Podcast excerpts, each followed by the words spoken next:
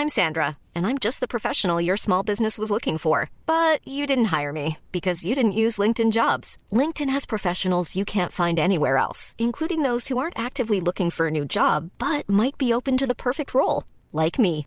In a given month, over 70% of LinkedIn users don't visit other leading job sites. So if you're not looking on LinkedIn, you'll miss out on great candidates like Sandra. Start hiring professionals like a professional. Post your free job on linkedin.com/people today. Hey, it's Ryan Reynolds, and I'm here with Keith, co star of my upcoming film, If, only in theaters, May 17th. Do you want to tell people the big news? All right, I'll do it. Sign up now and you'll get unlimited for $15 a month in six months of Paramount Plus Essential Plan on us. Mintmobile.com slash switch. Upfront payment of $45 equivalent to $15 per month. Unlimited over 40 gigabytes per month. Face lower speeds. Videos at 480p. Active Mint customers by 531.24 get six months of Paramount Plus Essential Plan. Auto renews after six months. Offer ends May 31st, 2024. Separate Paramount Plus registration required. Terms and conditions apply if rated PG. Millions of people have lost weight with personalized plans from Noom, like Evan, who can't stand salads and still lost 50 pounds. Salads, generally, for most people, are the easy button, right? For me, that wasn't an option. I never really was a salad guy. That's just not who I am. But Noom worked for me. Get your personalized plan today at Noom.com. Real Noom user compensated to provide their story. In four weeks, the typical Noom user can expect to lose one to two pounds per week. Individual results may vary. Generaler, admiraler, kjære venner, medlemmer og gjester. Velkommen til nok et møte i høstsemesteret i eh, Oslo Militære Samfunn. Aftenens tema. Når man eh, slår opp hvor man nå enn slår opp, og ser bildene fra seiersparaden, eller paradene, i Oslo og rundt omkring, på Karl Johan så eh, er det helt åpenbart, og også når man leser de første verker som ble skrevet om annen verdenskrig, de første år, for ikke å si tiår etter krigen, så er det åpenbart at det var jo ikke kvinner som bidro. Det var jo ikke kvinner som kjempet. Det var jo ikke kvinner som utsatte seg for fare under annen verdenskrig. De hadde jo ingen operativ, knapt nok administrativ rolle. Var inntrykket man dessverre satt igjen med i altfor mange år etter annen verdenskrig. Men takk og lov så vokste det nye generasjoner opp som så på dette med friskere øyne og fant ut hva realitetene var i kvinners innsats under annen verdenskrig. De var en helt annen enn det noen av oss visste før disse verkene kom fra de forfatterne, historikerne, som begynte å offentliggjøre eh, stoff om dette. En av de som har nedlagt et stort arbeid rundt dette, er vi så heldige å ha som aftenens foredragsholder. Hun har utgitt eh, flere bøker med tema annen verdenskrig allerede. Hun er utdannet historiker, hun er forfatter. Hun heter Mari Jonassen. Hun har utgitt en stor bok på mange betydninger av ordet som heter 'Norske kvinner i krig 1939-1945'. Jeg har den selv. Noen som ikke har den, skaff den. Den er vel verdt å lese. Men her er det jeg sier, Mari, godt at du kom. Talestolen er din.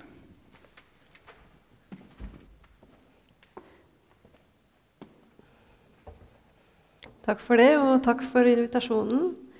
Um, ja, eh, jeg tenkte jeg skulle begynne ikke med andre verdenskrig, men med noe helt annet. Uh, dette er et bilde fra en grav i, i, uh, på Birka, som er en øy like utenfor Stockholm. Den ble oppdaget i Det er en vikingtidsgrav og ble funnet da i 1878. Og helt fram til 2017 så var man helt overbevist om at dette var en mann. Og hvorfor det? Jo, det, det, var den graven som hadde flest våpen i seg. Og det var i tillegg, da, som dere ser, to hester eh, i, i, graven. Så dette måtte være en person med høy rang og militær bakgrunn. Eller militær, i hvert fall. Eh, innsats, da. Eh, krig. Oi, oi. Hallo? Hva skjedde? Litt det er bedre. Jeg hørte det var litt vel høyt, så ja. Nå var det sikkert bedre. Um, ja, i hvert fall. Um, og I 2017 fant man altså ut at det var en kvinne. Dette skulle jeg vise til uh, elever på videregående skole, for jeg skulle ha et, en foredragsrunde med dem. I, fire uker skulle jeg med Den kulturelle skolesekken. Uh, og det neste jeg skulle gjøre, det var først var å fortelle dette her, og så skulle jeg vise dem Men så skulle jeg be dem ta med seg en uh, pensumboka si.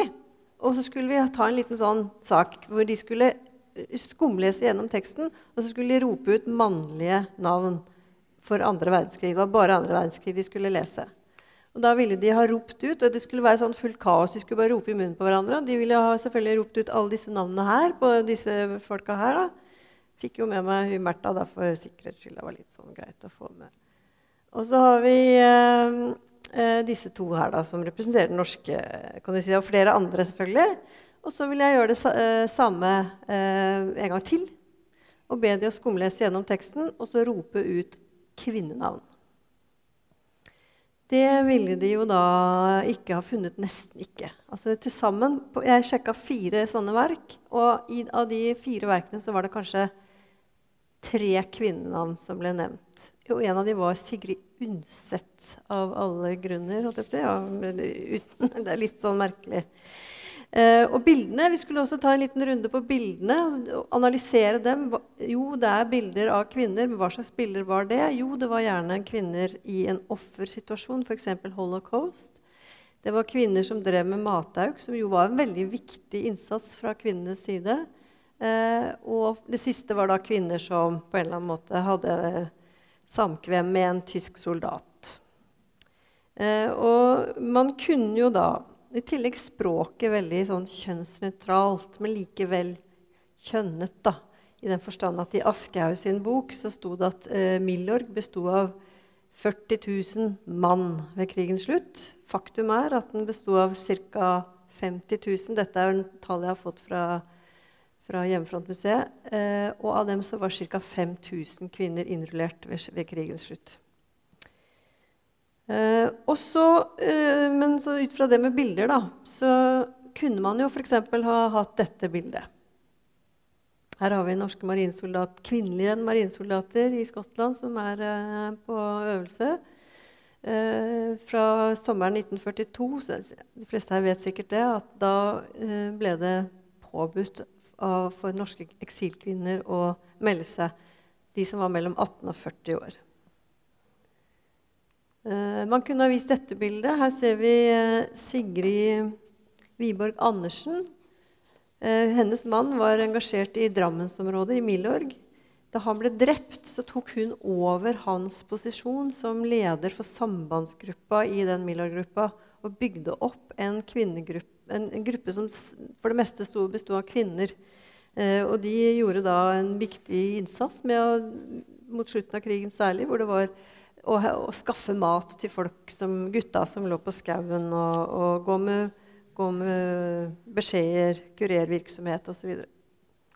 Kunne ha vist dette. etter er uh, den første kvinnelige radiotelegrafisten. Hun var selv født i Canada, men gifta seg under krigen med en uh, norsk kaptein. fordi det eneste, et, eneste landet eller i hvert fall et av få land som tillot kvinner på, i handelsflåten, det var Norge. Så hun ble da De fikk ikke tak i mannlige skipstelegrafister, og så fikk hun da etter mye om og men eh, jobben. Og da, hadde en høyere rang enn en andre på båten. Kunne også ha vist dette bildet. Dette er Sigrid eh, Baalsrud. Gifta hun seg. Nitter Rugesæter het hun uh, under krigen. Hun var født i Bergen hadde en bror i Sogndal som var engasjert i en Milorg-gruppe der. og Hun flytta til Hermansverk for å jobbe etter at hun var ferdig med utdanningen. Uh, og ble da involvert i den gruppa. Og etter hvert som ja, Hun drev mest med kurervirksomhet, men etter hvert som det begynte å brenne under beina på flere av de som var med i den gruppen, så ble hun anbefalt om å dra til fjells og slutte seg til den eh, Milorg-gruppa som hun fant der. Og det viste seg at hun var en veldig dyktig eh, skytter. Og at hun eh, fulgte da med Det var mot slutten av krigen, altså det var et par måneder hun da var, var med i denne gruppa. Um, ja, generelt om boka, uh, som jeg har skrevet, da. Uh, som tok i hvert fall tre og et halvt år å skrive på heltid. Så det var et svært arbeid. Um, og i den så kom, har jeg en påstand om at var, kvinne, norske kvinner var delaktige i absolutt alle former for motstand under andre verdenskrig. Til og med sabotasje. Og hensikten med boka var å vise krigens kvinnelige ansikt, inspirert av Svetlana Aleksjevitsj sin bok med, som jo heter 'Krigen har intet kvinnelig ansikt'. Uh, kvinnene kom ofte inn i motstandskampen gjennom menn. Det kunne være en far, en ektemann, en bror eller en kamerat. Og mange av dem gjorde en innsats relatert til det yrket de allerede hadde fra før. Flesteparten av dem var enslige, unge og yrkesaktive kvinner. Ca. 20% var husmødre. Eh, og de, disse kvinnene det kunne være kontordamer, stenografister, sentralborddamer og sykepleiere. Vi har også et begrep som kalles skyggehæren, som, som eh, man kan lese om i nyere internasjonal eh, krigshistorie. andre verdenskrigshistorie. Og det er jo da, Av begrepet så skjønner man at det er liksom de som befinner seg bak rekkene. De som er, bidrar i støttefunksjoner. Og det var det jo da ofte kvinnene gjorde. Men vi har også eksempler, sånn som vi så tidligere, på kvinner som gikk inn i inn i ledende stillinger. Um, jeg har organisert boka både kronologisk og te tematisk. Eh, altså begynner med invasjonen, felttoget, og så følger jeg de over til utefronten, de som reiste dit. Og, til, og handelsflåten, da, selvfølgelig. Og så kommer jeg tilbake igjen til, til eh, Norge, hvor vi da, det er hemmelig etterretning, det er eh, Milorg, det er selvfølgelig holdningskamp og fluktarbeid osv. Så, videre. så så det, den er da tematisk delt inn, da. Um, så da vil jeg gå videre til neste person, da. Uh, og det er Gudrun Martius. Hun var uh, Norges første kvinnelige diplomat, og i april 1940 jobbet hun som sekretær ved Skifferkontoret i Utenriksdepartementet. Hun hadde vakt søndag 7. april 1940.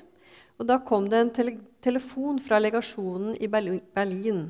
Han som ringte, dikterte et telegram for henne. Det var en kodet tekst eh, som han ba henne løse straks og bringe videre. Hun desifrerte teksten, som lød slik. Det opplyses fra pålitelig hold om troppetransport, nevnt i min rapport 611, at 18 av 20 skip på en samlet tonnasje av 150 tonn har gått ut fra Stettin med vestlig kurs natt til 5. april. Det opplyses videre at bestemmelsessted skulle nås 11. april, sted ukjent. Eh, hun ringte da Halvdan Koht, som var hjemme, eh, og leste opp for ham denne beskjeden. Og de diskuterte hva den betød. Gudrun sa hun trodde at den tyske båten var på vei til Norge mens Koht mente at de skulle ut i Atlanteren. Da hun spurte hva hun skulle gjøre med meldingen videre, svarte han at det i grunnen ikke var noe å gjøre, for enten var meldingen uriktig, og da var det best å ikke bringe den videre, eller den var sann, og da kunne vi ikke stanse den tyske flåten likevel. Eh, hun eh, sendte den videre da, til eh, militæret jeg, litt usikker, husker ikke helt om det var admiralen eller Det var i hvert fall til en forsvarsperson som kom sporenstraks, eller ringte de, og de kom sporenstraks og henta denne meldingen. Så man kan jo spekulere da selvfølgelig om, hun, om Gudrun Martis kunne ha stoppa invasjonen. Det kunne hun nok knapt. Men hun, hvert fall, hun var i hvert fall en av de som bidro til at Halvdan Koht var relativt uh, info, godt informert om det som var i ferd med å skje. Uh, dette er jo et uh, kjent bilde.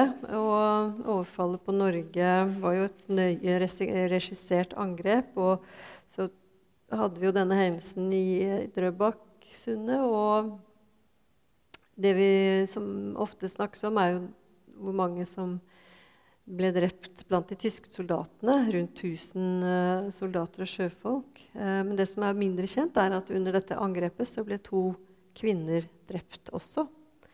Den ene het Olaug Anette Nyhus. Hun var fra Hoff i Vestfold og jobbet som som hushjelp på Renskau hotell i Drøbak.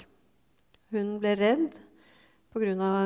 dette voldsomme eh, skytingen som foregikk rett utafor eh, Drøbak, og gikk opp i skogen bak, bak, hotellet, og der ble hun truffet av en granatsplint.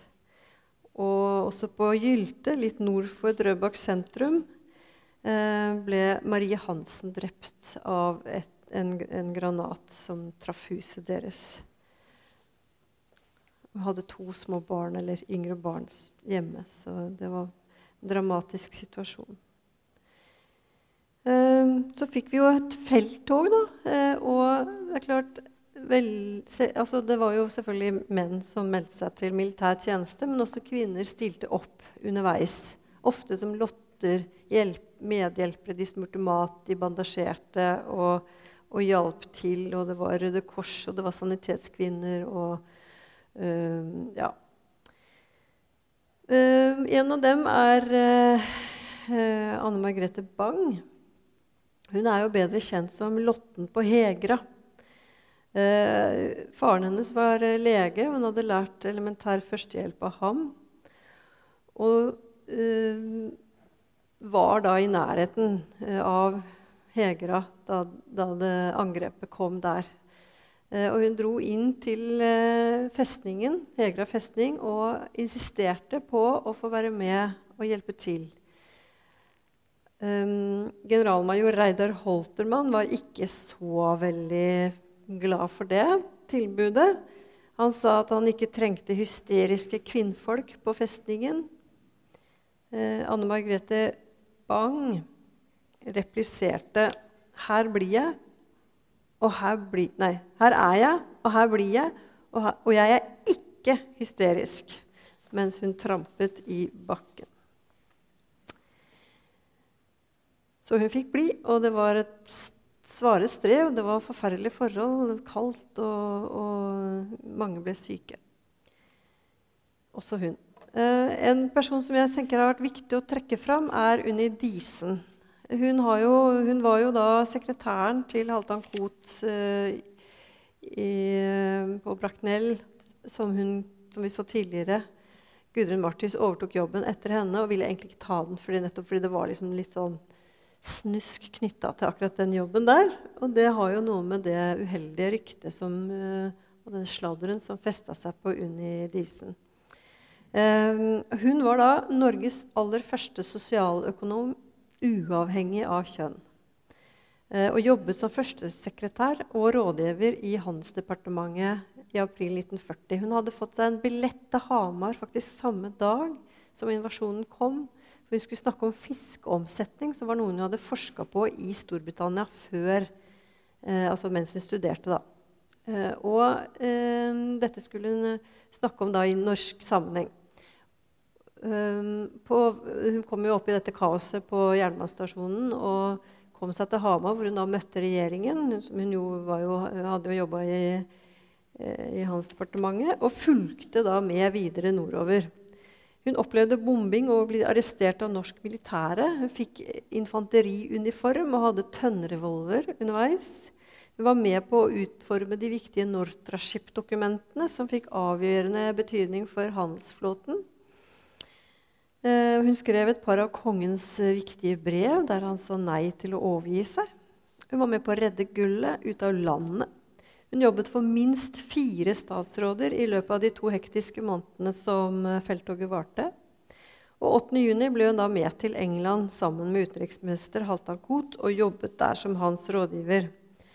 Hun var, var en av de som klarte å overtale Halvdan Koht til å starte hemmelig etterretning i Norge, som da innebar særlig det med Exus, som vi skal komme tilbake til.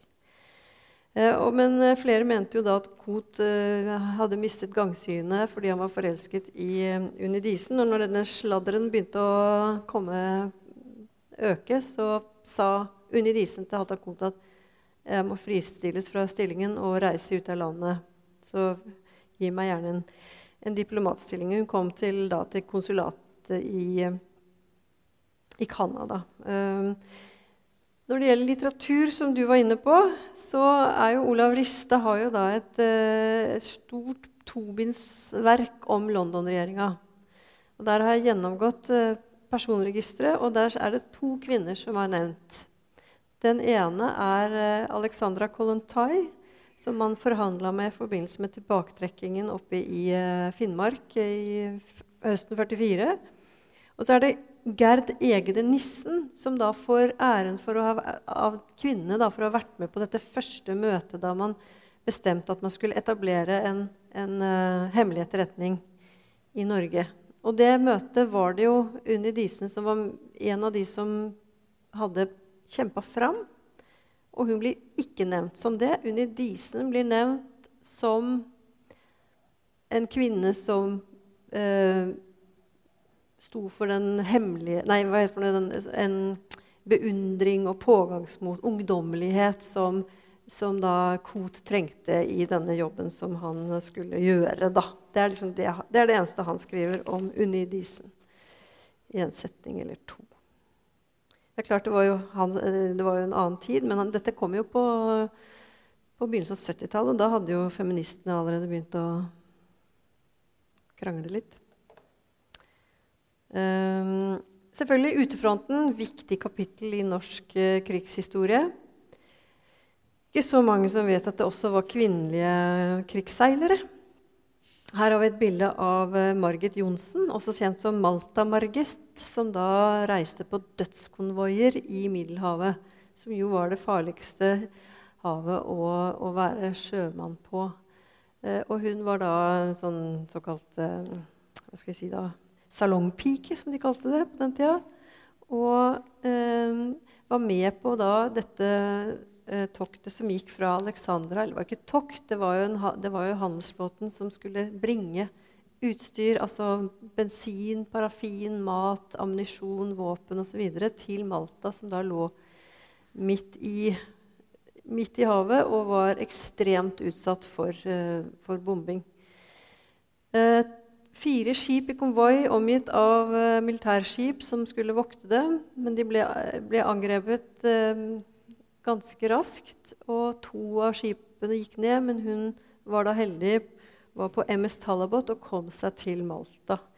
Og hun er da en av de som har blitt høyest dekorert. Hun fikk, uh, fikk medaljer både fra Norge, Storbritannia og Malta for den innsatsen som hun gjorde. Og ble også ganske kjent. Det ble skrevet om henne i en del aviser. Um, så går vi til da uh, Ja. Den militære delen av utfronten. Uh, dette at kvinnene skulle melde seg til, til, tjeneste. Og to av de som var der Det er, ikke, det er bare en av de der, Randi Grannes her, og Sigrid Grannes. De var uh, veldig uheldige og var på Majavann den dagen eh, tyskerne gikk til aksjon i forbindelse med denne store Linge, Linge-aksjonen, hvor man hadde kjørt masse våpen over fra Storbritannia og inn da ved Mosjøen, litt sør for Mosjøen, hvor Norge er veldig smalt, og man skulle på en eller annen måte avskjære tyskerne. Og dette her skjedde da i sommeren, eller våren 1942 hvor en av telegrafene som var tilslutta dette kompaniet, ble tatt og torturert og fortalt at på Tangen gård jo, der var det våpen osv. Videre. så tyskerne kom, og det ble jo et slagsmål. Og det ble jo, tyske soldater ble jo skutt. Eh, noe som da førte til voldsomme eh, represalier. Mm, hvor eh, mer enn 30 mennesker ble henretta. I tillegg så ble mange, mange sendt til konsentrasjonsleir.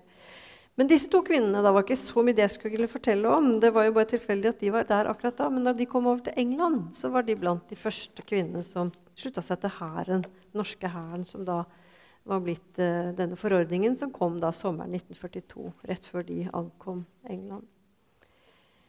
Um, og en av de fortsatte i militæret i hele sin yrkesaktive karriere etter dette. There's never been a faster or easier way to start your weight loss journey than with PlushCare.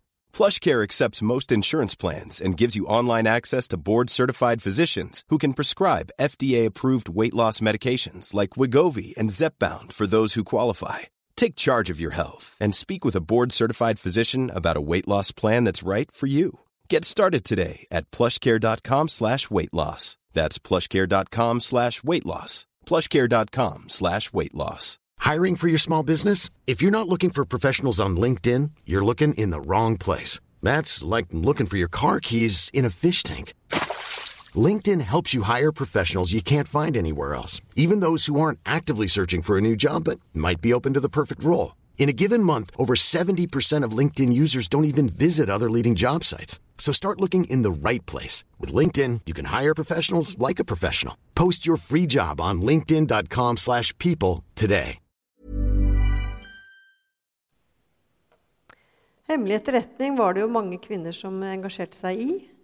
Her har vi tre sentrale kvinner. Særlig to av dem var jo da i ledergruppen i XU. Uh, hun som sitter med skrivemaskinen der, det er Astrid Løken. Hun var uh, humleforsker og uh, var en del av dette realistmiljøet på Blindern som da engasjerte seg først i illegale aviser, og så etter hvert kom inn da i XU. Og bodde da i et, en av disse leilighetene sammen sammen med, en annen mann i et slags proforma-ekteskap for å skjule at det, det, de egentlig drev med, var å formidle etterretningsinformasjon fra Norge til Sverige og over til England. Sånn at eksilregjeringen hadde god kontroll på hva som skjedde. Uh, hun kunne også bruke den stillingen hun hadde uh, på universitetet. Etter hvert så var hun ferdig utdanna humleforsker. Og, og, hun insisterte da på at hun skulle reise til eh, Hardangervidda for å forske videre på disse humlene. Eh, og fikk eh, nærmest grine i seg til en eh, tillatelse fra selveste Josef Terboven for at det var greit. Og da var det jo ikke bare humler hun forska på, hun forska også på tropper og forflytninger. Og hadde med seg foto. Og de brukte jo da fotolaboratoriet i, på instituttet hennes til å framkalle mikrofilmer og sånt. Uh, øverst så har vi um, uh, Skal vi se Ja, det er Anne Sofie Østvedt som uh, var også var nestleder i XU etter hvert. Og samboer da med Øystein Strømnes. Og de hadde hovedkvarteret sitt da i Maries gate var, nei, var det Geitmyrsveien de bodde ja, Det var to forskjellige adresser de bodde på, disse to kvinnene. Da, hvor, de, hvor, de, organiserte, var med på å organisere XU. Den tredje der det er Wenche Ried. Og hun satt og lyttet på både statspolitiets og SS sitt eh, telefonnett i Oslo. Var tilknytta organisasjonen 830 S. Også i Norafor var det jo en masse etterretningsvirksomhet. Og dette her er da hun, hun helt til høyre. Det er uh, Dagny Siblund, som var en av de som reiste over til Sovjetunionen og begynte å, å samarbeide og hjelpe til med, med um, den sovjetiske etterretningen. Eh, ektemannen hennes også var med. Eh, og etter at han ble drept, så var hun så opprørt over det som hadde skjedd, og var så kampvillig at hun selv da Først hadde hun jo da lært, uh, lært seg russisk og drev og tolka disse, og, tele, og blitt telegrafist. Men etter at mannen døde, så tok hun også eh, lærte hun å hoppe i fallskjerm og ble fallskjermjeger og var med på et tokt tilbake til Norge høsten 1944. Og så har vi jo Milorg, da, som jeg har kalt militær motstand eh, i, i, Norge da, i, i boka.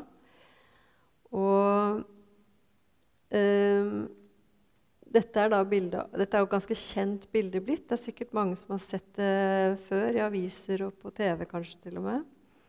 Og dette er da Eva Jørgensen, som hun het da. Het, eller etter hvert så gifta hun seg Kløvstad. Og hun ble jo da invitert inn av Milorg-lederen på Hedmark for å være hennes, hans sekretær.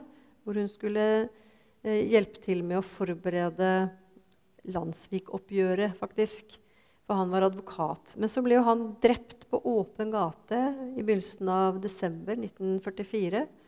Hun ble anbefalt å dra over til Sverige, men eh, ble sittende og tenke og lure på hva, hva kan jeg gjøre med dette. Jo, Så kom hun plutselig på at han hadde hatt en avtale med en kar fra sentralledelsen i Oslo. Og da, eh, kom på hvor og møtte han og fortalte hva som hadde skjedd. Og han kom tilbake med penger og våpen og radiosender. Og fikk, så fikk hun i oppdrag å bygge opp igjen denne, denne Milorg-gruppa, som hadde vært i full oppløsning. Og det gjorde hun, klarte hun sammen med et par andre karer. Og de var da Ved krigens slutt så var denne gruppa kommet opp i 1200 mann. Da bruker jeg ordet 'mann' bevisst. Det var også noen kvinner der. Eh, her har vi Liv Grannes, som jo også nå har blitt veldig kjent som Nordens uh, ja, Jeanne d'Arc. Um, hun var jo da først oppe i, uh, i Mosjøen og var med på denne store aksjonen som disse to kusinene ble litt tilfeldige ofre fra. Hun var hun som var med på å planlegge, organisere, ordne steder å bo for, for disse um, Linge-karene som kom over fra England og sånt. Men hun også, når dette dramatiske skjedde, så måtte hun også komme seg ut av landet og komme seg over til til England, hvor hun da gikk inn i Forsvarets overkommandos fjerde kontor og tok militærkurset i flyvåpenet.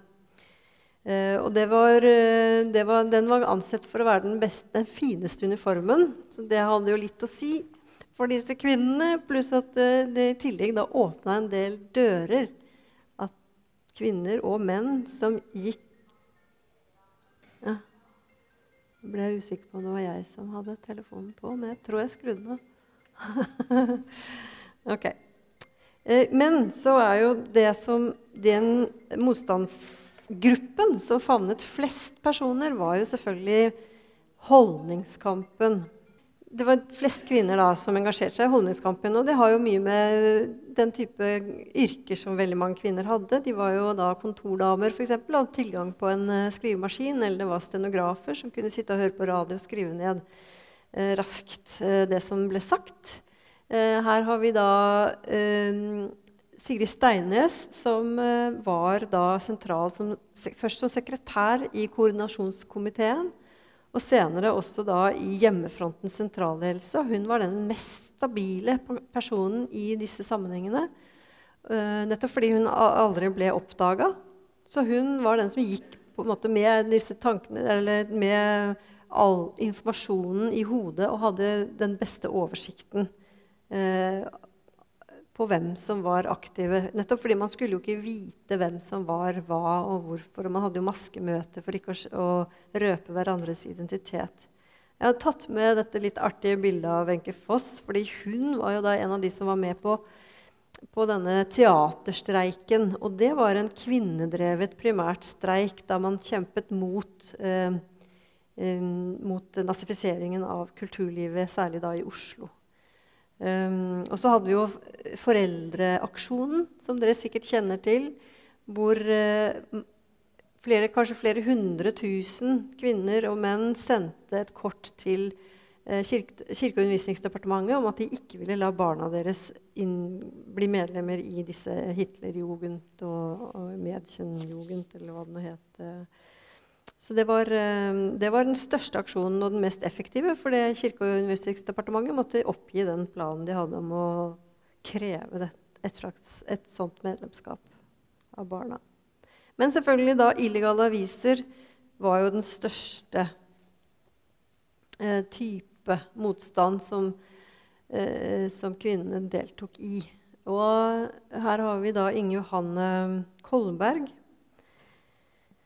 hun eh, bodde i Moelv, jobba på Strand brenneri. Eh, bodde da i administrasjonsbygningen, hvor hun da hadde tilgang på en skrivemaskin. Og der satt hun i ett år og skrev på skrivemaskin disse stensilene som ble, sen, som ble masseprodusert av Den annen front, som avisa het.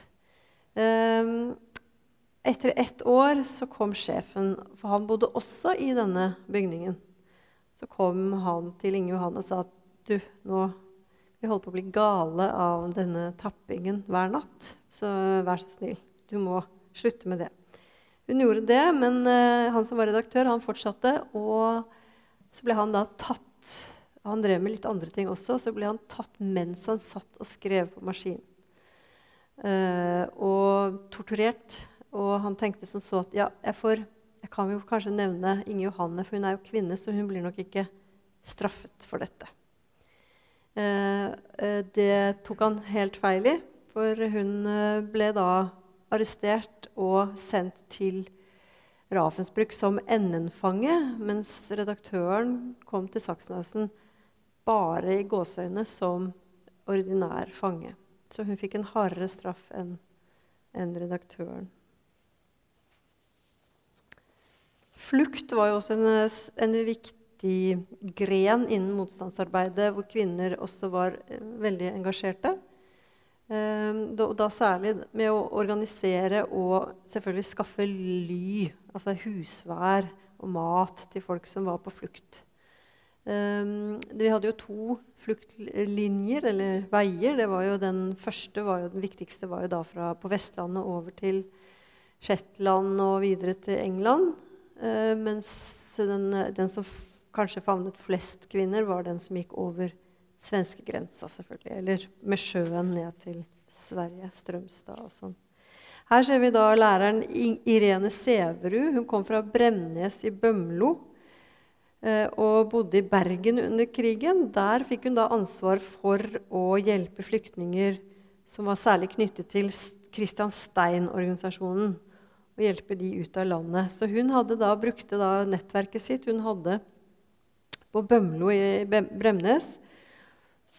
Som da hadde tilgang på båter, og vi ser det på bildet her. Da, og, og, kjørte da folk ut, uh, ut på havet. Um, 10% er et tall som går igjen. Altså, vi hadde 50 000 Milorg-soldater. 5000 av dem var kvinner. Vi hadde ca. 45 000 politiske fanger. 4000 ca. var kvinner osv. Det, er, det er ofte 10% som er et tall som går igjen i, i mange sammenhenger. Um, vi hadde jo også jødeaksjonen. Uh, og der var det jo, mener jeg, som Marte Michelet Ikke at jeg støtter hele boka hennes, men akkurat den påstanden om at det var kvinnene som var de som tok initiativet når det gjaldt eh, jødeaksjonen på det akutte høsten 1942, det ser jeg ganske tydelig. Eh, en av de var eh, Nina Hasvold, som var bestyrer på dette barnehjemmet for eh, de jødiske barna som var kommet som flyktninger um, ved hjelp av Nansen-hjelpen. Uh, men, men, det var også f.eks. Nick Wold, Sigrid Hellesen Lund og Ingebjørg Sletten som da ledet og drev Meltzerbanden hun var da tysk student og hadde studert, faktisk, hadde skrevet hovedoppgave om jødespørsmålet eh, før da eh, krigen brøt løs i Norge, og måtte jo gi opp det prosjektet da når, når det kom til krig her også. Men hun da hadde jobba med integrering av disse eh, jødene som hadde kommet i mellomkrigstida. Eh, så hun kjente mange av dem og engasjerte seg veldig sterkt. Kunne nevnt mange flere, men eh, det har vi ikke tid til. Um, her har vi et bilde fra Ravensbrück. Jeg skal snakke litt om det med straff. Som jeg nevnte i stad, så ble jo Inge Johannes sendt til Ravensbrück. Uh, men ikke bare Ravensbrück som uh, fikk norske kvinnelige fanger. Også tukthus og fengsler på, i, på det tyske kontinentet, da, eller europeiske kontinentet, i det tyske riket. Um, og de som kom på tukthus, de hadde jo fått en dom på forhånd i Norge. Um, uh, I tillegg da så uh, Eller ja, kan du si det at det, det var eh, elleve uh, norske kvinner som døde pga. de ekstreme forholdene i Ravensbrück. Uh, og at ca. 150 kvinner ble sendt til Tyskland. Neste bilde. Her ser vi ei som heter Odny Saltsgaard. Eh, og hun var da en av de mange kvinnene som ble utsatt for tortur. Og i, i det stoffet som jeg har jobba med, og det er jo da mye er fra Hjemmefrontmuseet, eh, hvor de på 1960-, 70-, 80-tallet hadde en del intervjuer med ikke bare kvinner, men også mannlige motstandsfolk, men også kvinner. da Eh, og da snakka de også med folk som hadde vært, eh, blitt tatt og arrestert og sendt til, til Tyskland. Og av disse da, har jeg funnet at minst 27 ble utsatt for avhør som innebar forskjellige former for tortur. Og det var da psykisk terror, isolasjon, vanntortur, slag. Flesteparten som ble utsatt for slag, og de kunne være blå fra hodet og ned til støvleskaftet. Eh, og de fikk trusler om knuste knær, og i tillegg så var det noen som fikk satt på sånne skruestikker på nedsiden av knærne, hvor man sakte tvinna denne eh, på beinet så, med, til store smerter. To av kvinnene omkom som følge av tortur. To kvinner tok livet av seg pga. tortur. Eller frykten for å røpe det de visste. Tre kvinner ble henretta. Og eh, disse henrettelsene har jo blitt eh, Man har på en måte sagt at de var, det var tilfeldig at de ble valgt, de tre her, som, eh, som da het Sigrid Hammerød, Helene Marie Johannessen og Ruth Johanne Andersen. Men det var det nok ikke, for det to av dem hadde vært med på å planlegge et, et attentat mot en, uh, en som var Abwehr-agent, norsk mann. Uh, mens uh, Sigrid Hamre hun var gift med en kommunist som var blitt tatt. Og hun ble lurt av tyskerne å Hun fikk vite at hun skulle måtte flykte, og at hun skulle møte der og der. Og så ble hun tatt, og dagen etter så ble hun henretta.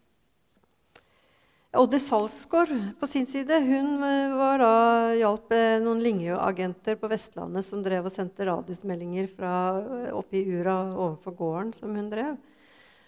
Fordi broren allerede hadde dratt over til England som, og var Linge-soldat. Um, disse agentene, Linge, nei, disse Linge-karene de var litt sånn slumsete når de skjønte at nå var det fare på ferde, så de hadde ikke rydda ordentlig opp etter seg oppe i ura. Så tyskerne kom og fant utstyr som beviste at hun hadde hjulpet dem. Og hun ble ekstremt hardt torturert i flere runder. Og hun ble skutt mot, og hun ble hengt opp, og hun besvimte og ble vekket med salmiakk.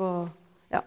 Så det var, ganske, det var fryktelig dramatisk, og hun fikk eh, masse senskader av behandlingen. Både hun og forloveden som ble tatt. Dette er ganske sånn nytt. Dette har ikke kommet så veldig fram tidligere. Um, dette er da noen av de kvinnene som kom i faktiske kamphandlinger da, på Sørøya i Vest-Finnmark i mars 1945. Da man hadde disse evakueringene fra, fra Sørøya, var det noen kvinner som ikke ville evakueres, men som slutta seg til de norske troppene som man etablerte der. Um, og særlig da Mari Hustad, som står i midten her med geværet over, stikkende opp over skulderen. Hun viste seg å være en svært habil skytter. Og fikk da i oppdrag å lære opp nye rekrutter, både menn og kvinner, som til, eh, til, slutta seg til denne troppen. Da. Og var da med i en, eh, i en dramatisk situasjon i mars 1945 hvor tyskerne angrep Sørøya. Og hun satt, oppe på, opp, de satt på en bakketopp eh, relativt høyt oppe og skjøt ned. Så hun vet ikke om hun traff og drepte noen, men hun så blodspor etterpå og eh, trodde nok kanskje at hun hadde i hvert fall skada noen i etterkant. Og det var jo en av de få både blant norske kvinner og menn som faktisk kom i i eh, aktive kamphandlinger. Da. Så har vi freden. Og dette her er jo et veldig sånn uh, fint og morsomt og hyggelig bilde. Og jeg tok det fordi det er flest en del kvinner i forgrunnen der. da. Lutter glede, men ikke alle som følte på den samme gleden. Her har vi Sigrid Nitter Bålsrud, som jeg, nei, Nitter Rugesæter, som da gifta seg Bålsrud som jeg nevnte i begynnelsen. Og hun, eh, hun eh, opplevde jo det å En slags uh, mening som forsvant på en måte etter, etter andre verdenskrig. Det var noe med denne forventningen om at da kvinnene hadde vært med på veldig, veldig dramatiske ting. Eh, det hadde vært mye spenning, og plutselig så var det en forventning om at de skulle vende tilbake til kjøkkenbenken og gifte seg for barn. Eh, så hun fortalte meg, en av de jeg har intervjua, og fortalte meg at eh, hun, hun, faktisk ble deprimert etter, etter krigen. Og så har vi også Eva Jørgensen Kløvstad, som jeg også viste tidligere. Hun som var på Hamar. Da kara kom hjem fra Sverige, de som hadde stikket av, eh, som var ledere, da de kom hjem og, og, kongen inviterte på parade foran Slottet, så fikk jo hun beskjed om at hun kunne, fikk ikke lov til å være med på det fordi hun var kvinne. Eh, og det var hun fryktelig opprørt over. Hun, sammen med venninna som var telegrafist, så dro de inn til Oslo likevel og sto langs eh, sto i Slottsbakken og så da at det faktisk var jo kvinner som marsjerte det var jo disse kvinnene som hadde vært i det militære i, i, um, i England og Skottland og, og i Lottekompaniet fra Berga. Marsjerte i flotte uniformer opp langs eh, opp eh, Karl Johan. Så det var det bitreste øyeblikket hun opplevde i sitt liv. da. Men Sigrid her, hun fikk invitasjonen, men hun takka pent nei fordi hun ikke hadde fine nok klær, syntes hun. Alt var jo slitt. Og hun fikk aldri noen uniform, som dere ser. Dette er jo da fra fredsdagene, da man endelig kunne begynne å fotografere. Så det var det. Jo, det var en liten sånn avslutning helt til slutt. Ja, apropos det første jeg innleda med. og det er jo det, dette med at Jeg har jo et håp da, om at denne boka kan føre til at det blir mer eh, kvinner, flere kvinner kommer inn da i historien, inn i pensumbøkene til eh, videregående. Det er jo ganske utrolig egentlig at, at, at ikke folk veit at det var kvinner som var så aktive, men det tror jeg har mye med at pensumlitteraturen er som den er. Så jeg håper jo på en endring der. Og kanskje også på um, Forsvarets uh, høgskole, f.eks. At man kan ta med dette inn i pensum der.